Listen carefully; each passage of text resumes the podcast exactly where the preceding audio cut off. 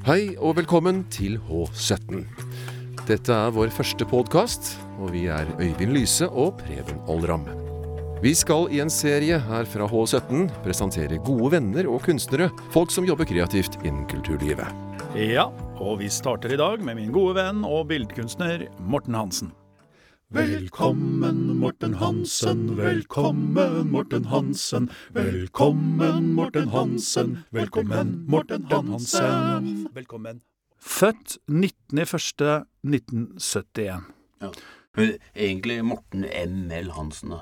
Ja, for det sto det på Facebook-sida di. Morten M.L. Hansen. Hva står ML for? Det står for Marius Lettmoli. Hva sa du? Marius Lettmoli. Morten Marius Lettmoli Hansen? Ja. Det må du fortelle litt mer om. Ja, det, det er bare mitt morsnavn. Eh, og så er det mitt mellomnavn. Ja, ikke sant, så Marius. Det er egentlig Marius. Morten Marius er det Ja. du egentlig heter. Ja. Og Men du har ikke og så er det to etternavn. Lettmoli og Hansen. Lettmoli Mett LM. Ja. Mettmoli. Lettmoli. Lettmoli og Hansen. Lettmoli Hansen. Jeg syns det er kjempehyggelig at du kunne ta deg tid eh, til dette her i dag, for vi har lyst til å lage noen podkaster der man inviterer folk som på en måte har holdt på en stund i forskjellig scenekunst, utstilling, gallerisammenheng som man ikke har sett så mye til, Ja. men hørt om og kanskje sett noe av, men som man ikke veit hvem er. Og derfor så var det så perfekt at du kunne komme og være med i dag. Og vi kjenner jo hverandre litt fra før av, vi er jo kompiser. Ja. Samboeren din, Elinor, er veldig god venninne og kollega av min kone, Siri, og sånn, så vi har jo en tilknytning til hverandre og sånn, så jeg tror det her skal gå ganske greit. Og med oss eh, bak spakene i dag er det Preben Oldram, kjent og kjær mann, fra forskjellige scenarioer i media og reklame og dubbe og veldig mye forskjellige musikere, ikke minst. Så nå skal vi prøve å sette litt fokus på livet ditt, Morten. Og det første jeg har skrevet eh, Kan du fortelle litt om starten Da tenker jeg fra Fredrikstad og sånn. Skole, hvordan du begynte helt sånn um, Hva var det første du gikk Du er fra Fredrikstad, men har bodd mye i Oslo. Jeg har bodd lenge i Oslo. Jeg har bodd i Oslo siden 87. Så eh, Og hatt mye tilhørighet til Oslo i mange år før det også. Så øh, og, spilte i mange punkband, kan du si. Jeg var, en, var veldig opptatt av punk. På, Så du kom egentlig fra Fredrikstad. For du husker jeg du sa noe om en ganske ung var Det var grunnen til at du trakk inn til Oslo, da? Ja. Til Oslo allerede i 82 og, og 83 og, og utover. Og, og så flytta jeg til Oslo i 87. Men, men det, da kan ikke du ha vært så gammel, da? Jeg var veldig I og med at du er født i 71? Jeg var sånn 10-11 år. 10-11 år, da dro du inn til Oslo. det er helt fantastisk. Men jeg tenker på i Fredrikstad, bare, bare, bare veldig kort, bare innpå. Du har gått du, har, du gikk der i barneskolen, da. Ja, jeg gikk, på Steinerskolen, jeg. Ja. I Rygge. Ja. Oh, ja. Den gangen Steinerskolen lå i Rygge. Den lå der i ni år. Fra s- s- 77, tror jeg, eller 76. 76, 77 til 1986. Så da bodde du i Fredrikstad, og, Jeg bodde i Fredrikstad og Pendla til, til Rygge. og jeg veit jo at eh, både faren og moren din er kunstnere. Ja, faren min er billedkunstner. Mora mi har også vært innom det, kan du si, men hun har vært mest lærer, da. Ja. Men du fikk ganske mye som kreativt inn ved starten, da. Ja. Punktet som, eh, som jeg kom med nå, det er den der jeg har skrevet eh, Hvor var du liksom i livet da, når du plutselig skjønte at uh, at det det. dette her Ja. Eh, eh, Det var jo egentlig ganske dramatisk, for eh, når jeg var 16 år, så klarte jeg å drikke meg til et ganske kraftig delirium. Og så Og så, og så, og så slutta jeg nesten å snakke et helt år. Og da begynte jeg å tegne og, og male og sånn. Eh, Først og fremst tegne, da. Men da var du da i Oslo, eller? Da var jeg i Oslo, ja. Så du Ved at du slutta å snakke, så begynte du å tegne? Ja. Hva, og hva det er, må bare spørre. Det er et naturlig oppfølgende spørsmål. her. Hva tegna du da? Har du sett har du noe, Husker du hva du begynte å Be begynte å tegne bare etter sånne gamle Konan-blader og, og sånne ting. Eh, objekter og ting rundt meg og sånn. Og, en hodeskalle som jeg tegna utallige ganger, tenker jeg. Ja, Som du hadde på gutterommet.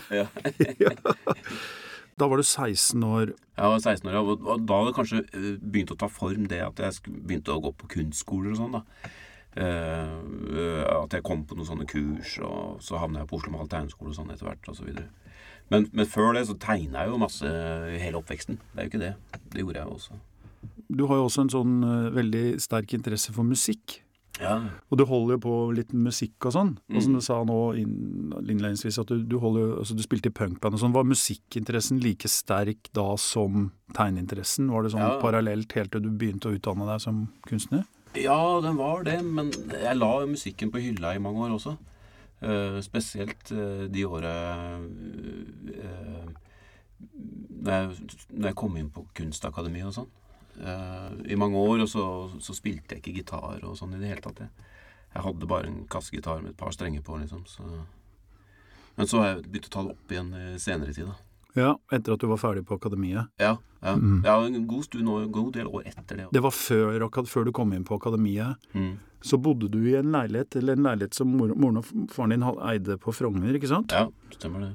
Og Kan du fortelle, snakke litt rundt den dealen, da? For det var litt sånn kult. Du Hvordan, hvordan deal tenker du på? Nei, jeg tenkte den dealen, for du, du, du sa det at nå skal jeg sette meg ned et år. Og Ja, så skal stemmer jeg, det. Ja, stemmer det.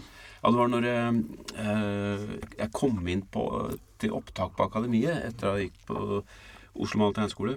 Men så tok det meg ikke helt inn. Jeg kom liksom bare inn på, inn på selve opptaksprøven. Og så tenkte jeg det at eh, jeg, altså, eh, jeg kunne ikke liksom gå ned på sosialen, eh, for dem var så veldig sånn krevende. De, de skulle ha meg ut i arbeidslivet, ikke sant. Så, så da tok jeg også, gjorde en deal med Solveig, mora mi, Mm. om at, at jeg måtte, fikk låne 22 000 av hun mm. og levde på det et helt år. I leiligheten der. Og tegna, da. Ja. Hele tida. og så kom jeg inn året etterpå. Da kom jeg helt inn. Det er helt fantastisk. Eh, men, men, men i den tida, da var du Da bodde du i den leiligheten aleine, da? Nei, Eller var de, nei. bodde de der også? Nei, de, den bodde ikke der. Eh, broren min bodde der. Og hans eh, damevenner. Og kompiser som spilte i hans band. Og var det der, disse, der du hadde en del musikere Nei, Ja, det var Ja. Ja, innom der var det en del musikere, ja. Eh, Alt fra Og ikke minst også Harald Are Lund og, og Tor Dybdahl fra Horsemen og Som, som var overnatta, eller var hos dere? Ja, som som, var der mye, ja. I den Mm. leiligheten der, ja. På den tida. Når de hadde base i Eller når de Ja, ikke var ute og reiste? Ja, I ja, Oslo? så Ho- Horsemen var jo et sånn Oslo-band, da. Oh, ja, okay. Som eh, broren min eh, spilte i også. Ja, Og, og, og også de DumDum-gutta var også innom der på den tida der, på, ja, på midten av 80-tallet. der. Sånn. Ja, akkurat når de skifta navn fra Vannskrekk til DumDum, så brukte de leiligheten vår og, og, og krasje i, da. Ja. Da de spilte i Oslo. ja. ja, Så det var skikkelig celeber stemning der? Eller altså, det var jo folk som etter hvert blei jo kjente og Ja, det var det jo.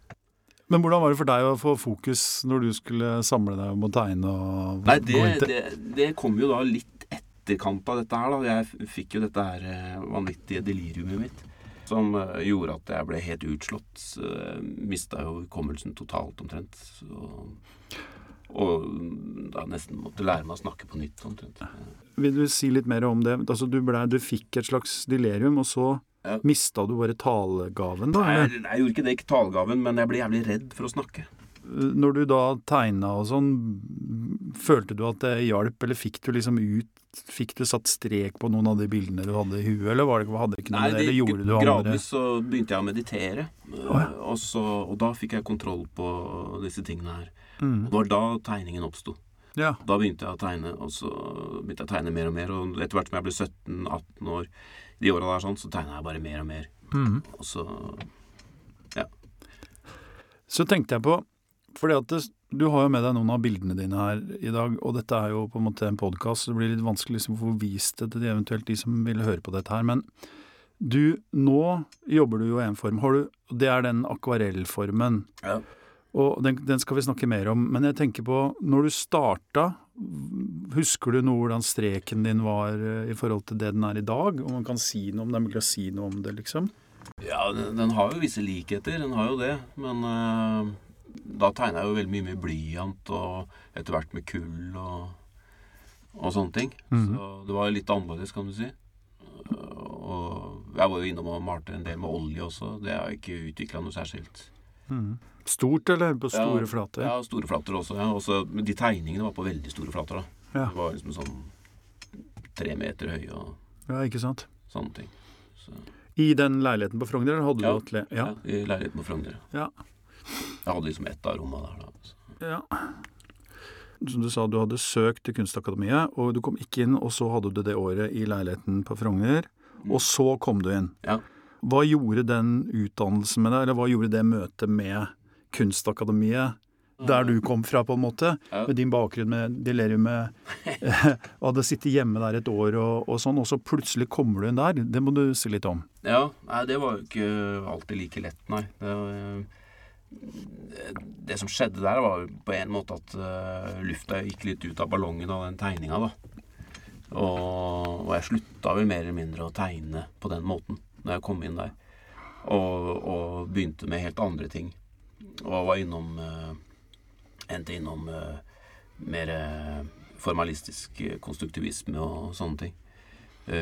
Og sveising og objekter og, og installasjoner og, og, og sånn. En sånn hybrid eh, Lagde en installasjon som var ganske uh, bisarr. Og den har egentlig ingenting med, med, med sånn konstruktivisme og formalisme å gjøre, egentlig, men den som liksom hybrida så over, da, den het eh, Tolv åpenbaringer av Sjirinoski i tolv galaksekasser.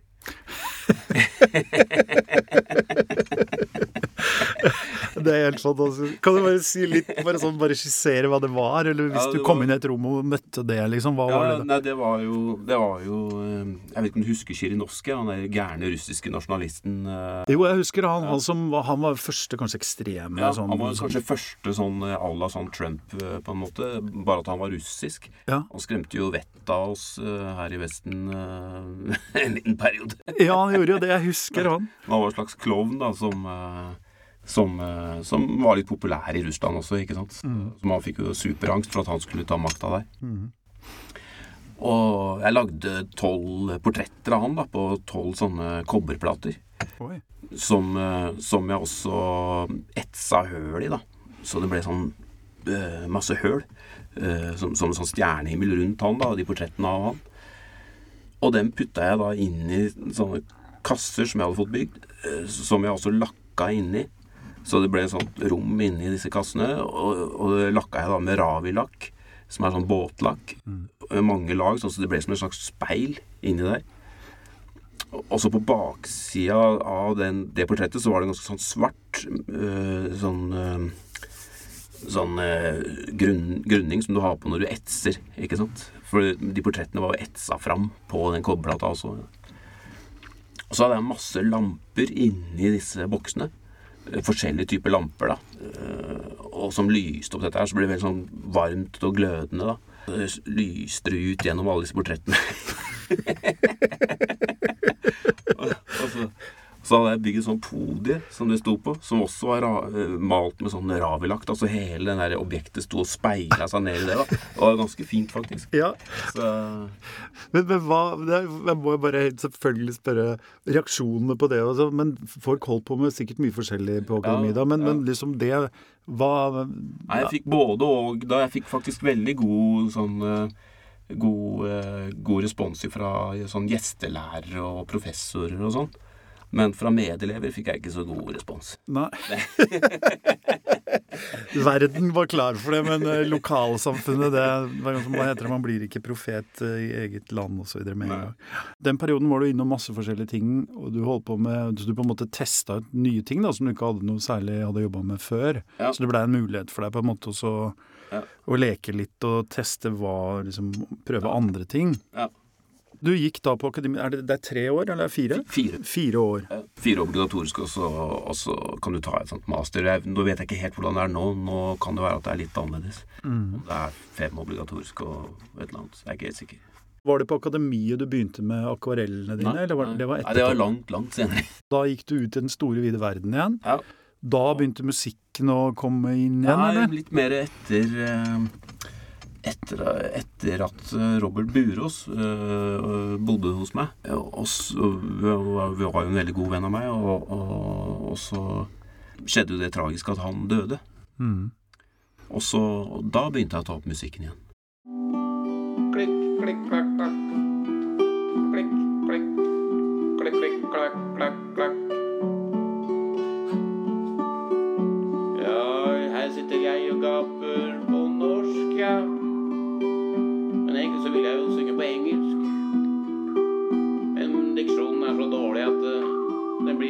Trist og leit. Ja, for kritikerne i VG og i Dagbladet og på NRK, de sier du kan ikke synge på engelsk hvis du er norsk og dum. Nei, da må du bare synge som en fjott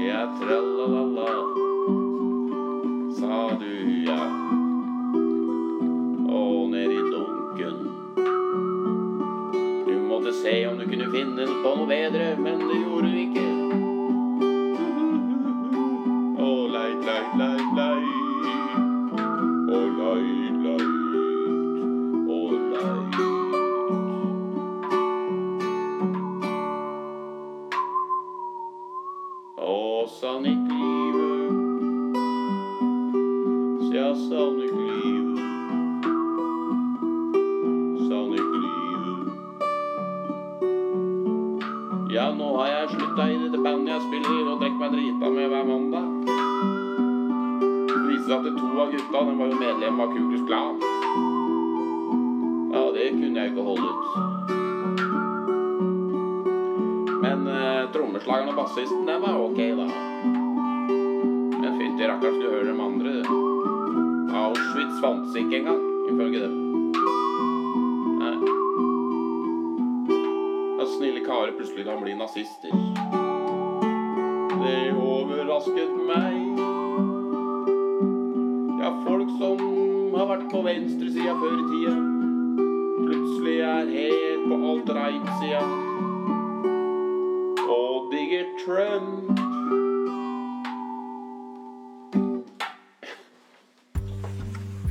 Dette er H17 med Øyvind B. Lyse og Preben Aalram. Da begynte du å spille. Da begynte jeg å spille mer igjen. Da gikk jeg og kjøpte meg flere strenger på digitalen. Og, og munnspill og litt sånn. Ja. Han var også en, eh, en jævel til å spille munnspill, vet du. Du snakker om Burås nå? Ja. Dere skulle egentlig spilt i band sammen, skulle dere ikke det? Ja, Eller han, han ha, han spurte meg om jeg, om jeg ville spille i bandet hans, men da var jeg helt sånn Jeg var bare opptatt av å lage kollasjer og, og sånne ting. Men han hørte jo at jeg kunne spille, Mhm. så han spurte om jeg ville spille bass i bandet hans. Var det Midnight Creeps? Midnight Mm. Creeps, ja. Men jeg sa jo nei, da. Du sa nei. Du sa nei til Burås. Det er ganske greit. men, men i hvert fall så Da fortsatte du, og du drev med, som du sa, med kollasjer osv. osv. Og og var du innom noen andre ting før du liksom fant det du driver Ja. med nå, da? Ja, jeg, jeg gikk- gikk jo da inn i den derre Imellom der så var det dette her med disse her eh, objektene, da. Som, som jeg begynte med på akademiet etter den der første Sjirinovskij-saka. Og så gikk jeg mer inn på mer sånn formalistiske sånne og konstruktivistiske former, da, ikke sant. Eh, Sveisa eh, sammen. Og rom som jeg bygde inn i rom, og, og sånn fluoriserende lys og ting som jeg bygde. Og så, så ble jo det jævlig mye materiale som du aldri blir kvitt. Så, så det bare hoper seg opp, og hvor faen skal du gjøre av det? Ta bare opp hele kåken din, ikke sant. Så Ja, umulig Jeg måtte, altså, jeg måtte kvitte meg med Det ble ikke plass til slutt. Jeg skjønner. Og så er det vel en del av ja, sånn for resirkulering, og det er ikke sånne ting du kan bruke på nytt igjen til Du kan ting. kanskje gjøre det, men, men du ble litt lei av det også. Det er jævlig tungt også, ikke sant. Ja, ikke sant. Ja. Og, og ja. Det fins jo andre måter å uttrykke seg på. Man trenger jo ikke bygge svære hus. Ikke sant? I hvert fall ikke inn i leiligheten. Kan jeg tenke meg å bli teftet. Du bor jo nå på Grünerløkka. Ja. Var det der i det Ja, atelieret? Ja. Da var det, da var det mitt atelier. Mm. Men det har også vært galleri, vet du. Eh, Ja. Sånn. Vi har drevet flere gallerier. Er I hvert fall to gallerier der. Som du og broren din har drevet, Nei, ikke broren min, eh, men eh, folk som jeg gikk på akademi med, da. Ja. Som, som, og egentlig så var det vel dem som drev det, mer eller mindre. Jeg, jeg var mer bare Jeg hadde bare lokalet, kan du si. Så Du hadde mer sånn permanently base? Ja, jeg, jeg, jeg eh, disponerte lokalene, da, kan du si, og bodde da i den delen som broren min bor i nå. Så vi fikk jo kjøpt hele første etasjen på bygården for 195 000 i 93. Ikke sant? Det er jo helt vanvittig. Og det er på Grünerløkka, folkens. Det er, eh, det er helt utrolig. Så dere kjøpte, du og broren din kjøpte den Nei, da? nei, var- Eller var det familien? Det var, var mora mi som kjøpte det. Ja.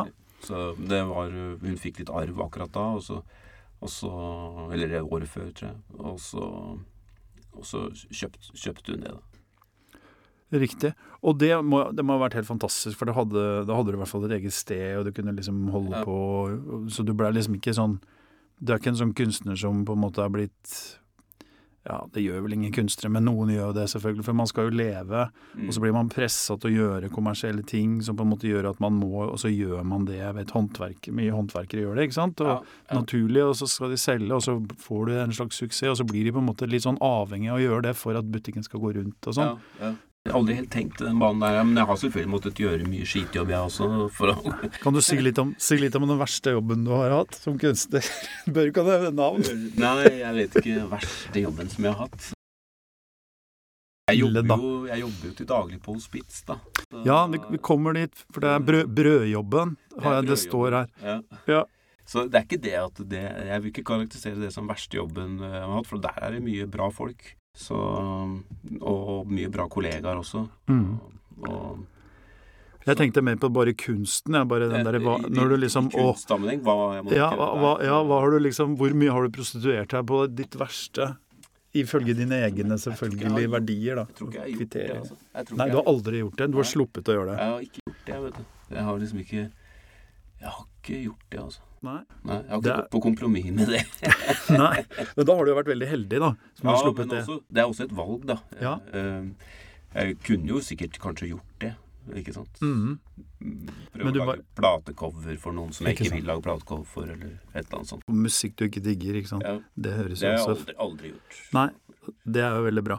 Men vi må inn på litt på brødjobben, for nå er vi da Du bor i den leiligheten, du har flytta inn i atelieret eller der på Grünerløkka. Ja. Og du holder på med din egen kunst. Atelieret blir disponert av litt forskjellige folk og andre kunstnere. Men så begynner jo du også brødjobben, da, Mm. som du snakker om. Da Ja, Den begynner faktisk akkurat idet jeg går ut av akademiet. Da får jeg jobb som ekstravakt på Bergensgata hybelhus. Sier du det? Ja, og da jobber jeg nattvakt. Ja, ikke sant? Det veit vi jo alle hva er. Ja. I hvert fall oss som er her i studio i dag. Ja. Og så da Men var det en Var det eh, psykiatri, eller var det rus, eller var det det, er eh, rus og kristendom. Rus og kristendom? hvordan syns du det funka? Tok du med deg det inn i kunsten din eh, i, et, i ettertid og sånn, eller har det Jo, bare Mm. jo, absolutt. Det er jo karakterer man treffer i den verden der som er spennende. Mm. Det er absolutt. Mm. Så, men Bergensgata hybelhus var jo den gangen eh, Oslos største hybelhus. Eh, og det var for sånn mm, rusmisbrukere som liksom ikke skulle ruse seg, da. Så du måtte, måtte konfrontere dem i døra eh, hvis de kom inn og sånn og spørre liksom sånn eh, Å, hva har skjedd nå? Så, Ja, ikke sant. Har du, har du tatt deg noen øl nå? Liksom sånn. Ja. Og sånn syns jeg er veldig kjedelig, da.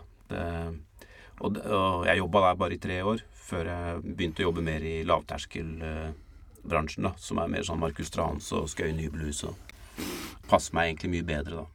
Selv om det er mye tøffere. Det, det er. Men du, da slipper du, du slipper å være den moralisten som går og passer på at folk har, har rusa seg eller ikke, da. Tror du noen av de ansiktene og folka du har møtt For har, du, du møter jo ganske mange i sånn type jobb, for det er vel en del folk der som er inn og ut og Ja, sånn? du treffer de samme folka om og om igjen hele tida. Å ja, for de er inn og ut. Ja, de Ja. gjør det. vet du. De Mm. går litt på rundgang. Det, Mm. det er dessverre sånn i, i rusomsorgen i Norge at den, eh, den både fungerer og ikke fungerer. Ja, ikke sant? Mm. Og det, verden er liten for dem, ikke sant. Og det er ikke så lett for dem folka der å komme seg ut av den karusellen, da. Nei. Nei. Men eh, så tenker jeg på Nå drar jeg det litt over mot eh, det du holder på med i dag. Da etter hvert Mm. så begynte den akvarellgreiene dine. Ja. Og det er jo veldig interessant, for det Morten han jobber jo med ansikter, i hvert fall det du gjør nå. Og når vi ble kjent, som du har vel gjort det stort sett siden det, som er kanskje Ja. to-tre år siden sånn? Ja, da har holdt på med det lenger enn det, da. Det, du har gjort det ennå- ja. da. Jeg har holdt på med det en god stund, altså. Det, ehm, ja, hvor lenge er det jeg har holdt på med det? Uh, er sikkert snart åtte, åtte år eller noe, kanskje, i hvert fall. Eller syv-åtte år Mm. som jeg har malt akvareller. Ja. Det du gjør nå, da, som jeg har sett i hvert fall, det er at du har disse ansiktene dine som du først tar bilde av Ja. Og dobbelteksponerer, Ja. og så maler du de Ja. i portrettform etterpå. Ja. Og kan du, kan du si litt bare sånn, hvordan, hvordan begynte du med det? Hvor kom det fra, egentlig? Ja, nei eh, Det kommer ifra at eh, jeg satt veldig mye og leste på internett om eh, banditter. Ja. ja. ja. Og da ramla jeg over en eh, webside som heter Gangland News. Jaha.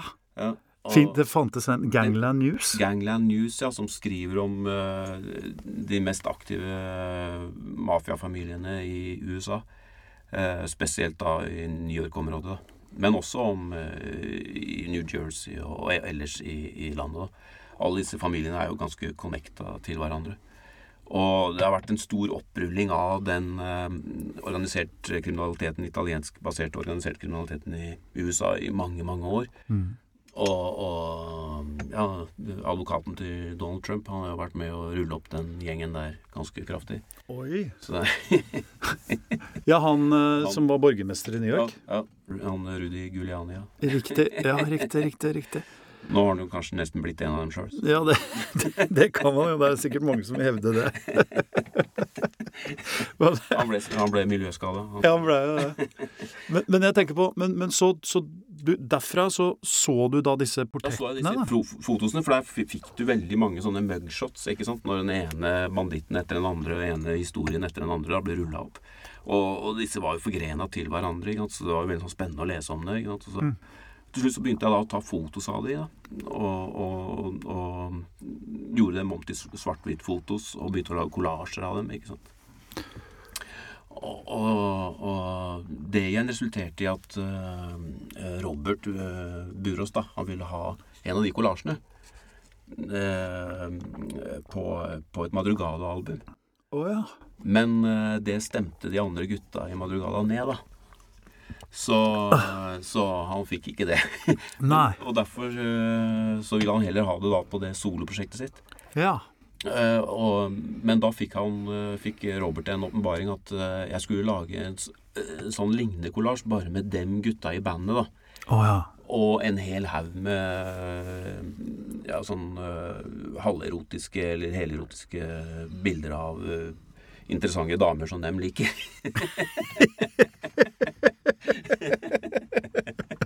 Og da, da sa kunstneren nei, eller? Nei, da faktisk, da sa jeg ja. Da sa du ja. ja. Så, for det syns jeg var artig, da. Ja. Så, eh, så kanskje det er det nærmeste jeg har solgt meg, det kan du kanskje si. Ja. Men eh, det ble ganske kul cover, da. Ja. Til eh, den første Mind Midnight Creeps-skiva. Det er jo helt fantastisk. Det må, det må jeg bare sjekke ut. Jeg visste ikke det. Ja, men jeg, jeg viste deg det. Viste du meg det? Ja, ja, men vi var ganske fulle. Ja, det var vi sikkert ganske ut på landet. Men, men det må jeg få se igjen nå, Ja, ja. når jeg blir edru. Jeg er jo edru nå men ved neste, neste gang. Eh, Men det er jo helt fantastisk. Og så, så tok du da tak i det, Ja. og så fant du dette er jo kult. Du hadde holdt på med det en stund. Ja. Og så begynte du med disse portrettene. Ja, og så plutselig begynte jeg å male, da. Eh, altså det som egentlig skjedde, var at eh, eh, Hvis du leser sånn litt historiebøker og sånn, så kan du se eh, sånn eh, om Hitler. Mm. Eh, så så fins det noe som heter ak- Hitler-akvarellir. Jaha! Ja, eh, noe som jeg syns er et sånn pussig fenomen, da. Hitler-akvarellene! Hvor, er de- hvor er de nå? Nei, men det er, det er hans mislykka forsøk på å komme seg inn på kunstakademiet i Wien. ikke sant? Han, han ville jo bli kunstner. Og jeg syns det var så pussig fenomen, da, Hitler-akvareller. Så, så jeg tenkte nei, faen, jeg tar også maler portretter av Hitler. tenkte Jeg ikke sant? Jeg tenkte også videreutvikle først disse fotokollasjene, da, hvor jeg skulle liksom lage, Det ble litt sånn st- stormannsgalskap. Han skulle lage liksom eh, en hel haug med eh, svær kollasje av Kristus og en hel haug svær kollasje av Hitler. Det har jeg også gjort. da, En Hitler-kollasje. Ja. Hitler-kollasje, ja. Så har du mafia-kollasje og så videre. ikke sant? ja. Men, eh, men da syns jeg det var så fascinerende dette Hitler-akvareller. Liksom leste jeg en sånn historiebok. Og så ja, faen, nå maler jeg Hitler i akvarell, tenkte jeg. ja. Og, det, men så, og, da, og, så, og så transformerte det seg over til disse her mafiaportrettene, da. Mm. Men hadde du den der, Bare kort tilbake på den Hitler-akvarellen. Har du, har har du utstilt, har du stilt ut, og så fikk du noen Nei, reaksjoner ikke, på det? det? Det har jeg ikke stilt ut. Det har jeg bare, jeg har bare noen få av dem. men, Ja. men det var liksom det som gjorde at jeg begynte å lage disse portrettene. da. Mm, ja, det kulminerte over i det. Ja. Og, og de Og så da var du over på den var det Gangland Ja, tilbake. Gangland, ja. eh, Så ja. du plukker altså ut Kan du bare si litt sånn kort uh, bare en, eh, arbe, et, en økt, da, når du En jobber? økt Når jeg jobber. Ja. Du kommer inn på morgenen, du har atelieret ditt, ikke sant? Ja. Og så bare du, Hva er da målet ditt? Er det å lage én akvarell, eller hender det du lager flere, eller? jeg, jeg lager mange flere, men jeg kan sitte lenge og jobbe med én, kan du si. Mm. Men jeg kan også uh, ha kanskje fire liggende framme, og så jobber jeg Parallelt. ja, på, Mm. på de, da. Og har det noe med liksom prosessen å gjøre, at det må tørke, og noe tørker seinere, og at det er sånn og sånn, eller er det litt, litt sånn også, men øh, øh, Ja, det er, det er jo også en øh, det var egentlig tanken i utgangspunktet, men egentlig så trenger du ikke tenke sånn, da. Nei. Eh, Du kan jobbe bare på ett, liksom, men jeg syns det er gøy noen ganger å jobbe på flere, da.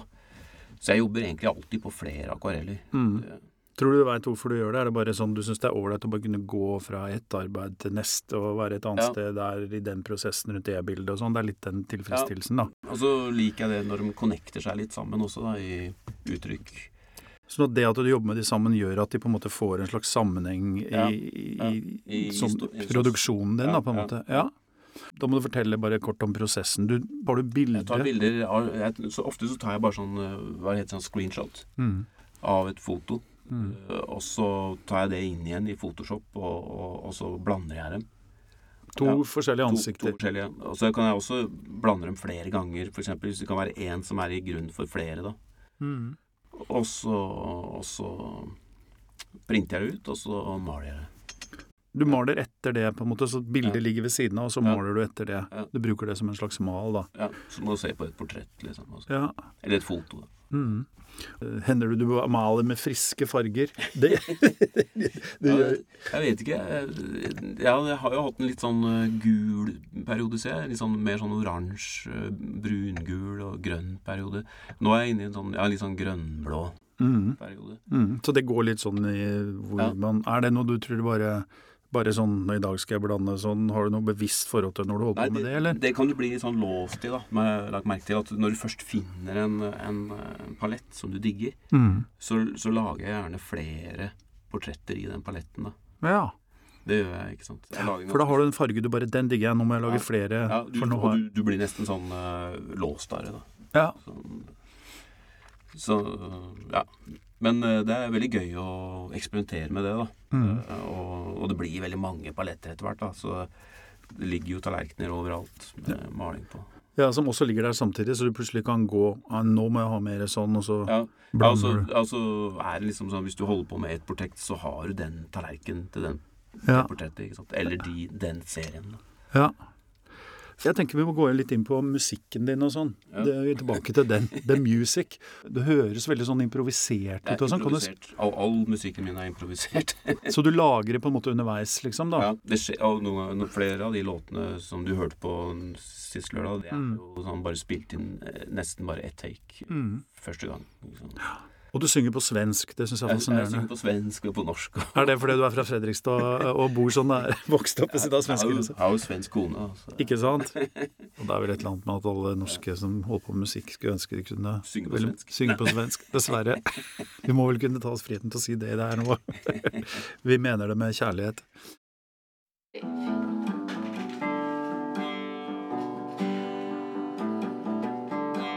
Ja, vi spiller på Lotto. Jo, jag vill spela på Lotto. Och kanske Rikstoto. Ja, jag vill spela på Rikstoto. Jag vill spela på Lotto.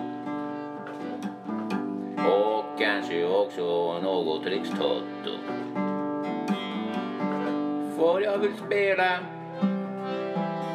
För jag vill spela. Ja, kanske också jag vill spela lite på risotto.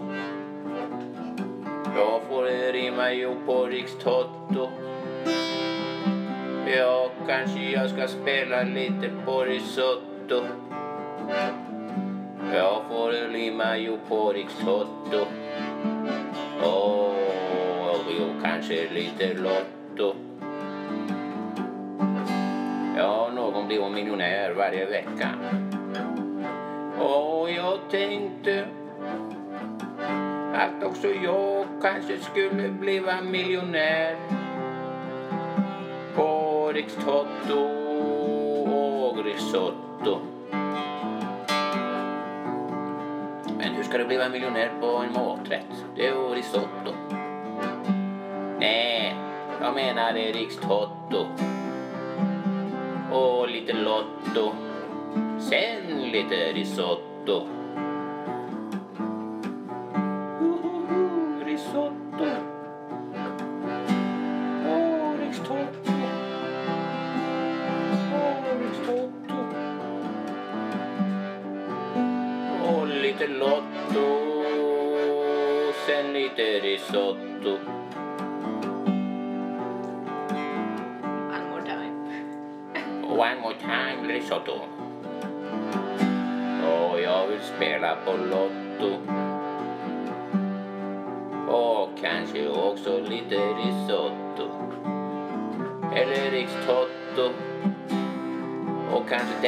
Lite risotto.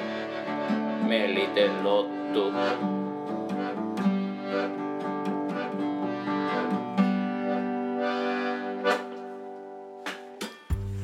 Dette er H17 med Øyvind B. Lyse og Preben Oldram. Du kom fra den punk-perioden din. Ja. Den er interessant. Altså, det var da, da er vi tidlig på 80-tallet, ikke sant? Ja, 80, vi begynte med det i 82. Ja, og da vet jeg ikke, hvilken, Er det noen sånne band av de som du holdt på med da å spille Det var vel mye rundt Blitzhuset, og du hang vel Ja, mye rundt? Ja, det var, var en del tilhørighet der, ja. Seinere. Mhm. Er det igjen noe av de prosjektene der nå? Ble det, var det mer Nei, det er vel lite, tror jeg. Mm. Jeg spilte i et band som het Krigsropet. Mm. Og så spilte jeg litt eh, sammen med, med Ingvild Hammer og, og, og eh, de to gutta, to, to karer fra Svart Framtid. Ja, som, riktig. eh, som hadde et band som het Behind Bars. Aha. Jeg spilte litt sammen med dem, da. Men det Mhm. var jo liksom eh, Da var jeg midt inne i deliriumsperioden min. Så jeg, det var en vanskelig tid for meg. Det gikk skeis. Ja, du la ned det. Ja, la. Det ble for mye, ja. det er mer hjemme, hjemme med Ja. gitaren. Men du, du trakterer jo munnspill, Ja, og du spiller gitar, og du spiller bass, Ja, eh, og du spiller litt piano og sånn Ja. også, ikke sant? Ja. Og så synger du. og så synger jeg. Men er Jeg sånn skriver ikke så mye. Det ikke. Nei, du, du tar det on the fly. Tekst on the fly. Det blir litt sånn revy og komedie, kan du si. Ja. Noen ganger. Ja, ikke sant? Men det er fascinerende. Og Elinor, eh, som er samboeren din, hun spiller i trekkspill, så dere har litt sånn Ja. eh, socializing rundt musikken, og det er jo kjempegøy. Trekkspill og sag. Trekkspill og sag trakterer Elinor. Ja. Da er det du som synger stort sett, da. Jeg som synger stort sett og spiller gitar eller piano eller et eller annet sånt. Ja. Planer om noen utgivelse på det? Ja, Elinor sier jo det hele tida. At det må vi gjøre. Mm. Har barnet noen navn? uh, nei, det har ikke det. Nei, dere har ikke kommet så langt. Nei. Fremtiden har jeg skrevet her. Oi. Ja, Det høres jo veldig sånn pompøst ut, altså. Men ja det ja. har du stilt ut disse arbeidene du, du Ja. holder på med nå? Jeg har det. Jeg har Mm. stilt dem ut uh, et par ganger på, på Sound of Mu. Sound of Mu? Ja. Er det, var det Sound of Mu eller Sound of Mu? Sound of Mu. Det er Sound of Mu, det var Ja. det det var. På Grünerløkka. Den lille Ja. Den uh, kun, kunstbaren, den nedlagte kunstbaren. Så ja. der territoriet ligger nå. Og så var jeg med på en, uh, en, en artfair i Beograd og stilte dem ut der. Hvordan ble det mottatt? Ja, det, det var veldig ålreit. Det var en veldig fin tur, faktisk. Eh, Det ble veldig godt mottatt Mm. på den artfjellen.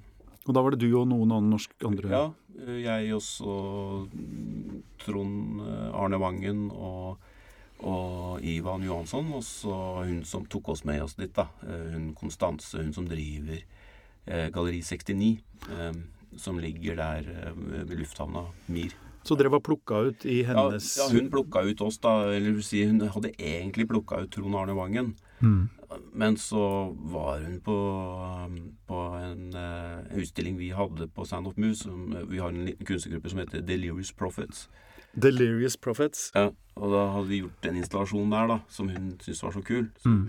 tok, tok hun med meg og Ivan også, da. Til Mm. Beograd, da. Like så godt. Ja. Herlig, herlig, herlig. Og det var gøy. Og, og så gøy, for da møter du på en måte en helt annen type publikum, regner jeg med. Og Ja, sånn. da møtte du jo kunstnere fra ja, stort sett hele Ja, nesten hele verden, tror jeg. Ja. Mm. Mm. Eller i hvert fall ja, ganske mange. Og publikum som Og kommer publikum, og ser, ikke sant. Ja, ja. Serbere, da, først og fremst. Ja, ja. Jeg har også vært i Beograd og, og, og jobba med kunst, og det er utrolig det er spennende å, å vise ting som man har vist i forskjellige settinger Ja. hjemme eller andre steder. Så kommer du dit, og så er det helt akkurat som det er veldig annerledes. Kan, kan være helt annet mottakerapparat. da. Mm. Og det kan jeg tenke meg er gøy for deg og, og Ja, det- bildene dine. Ja, det var veldig ålreit. Altså. Jeg skulle gjerne vært med på flere sånne art fairs, egentlig. Det, det er en fin ting å oppleve.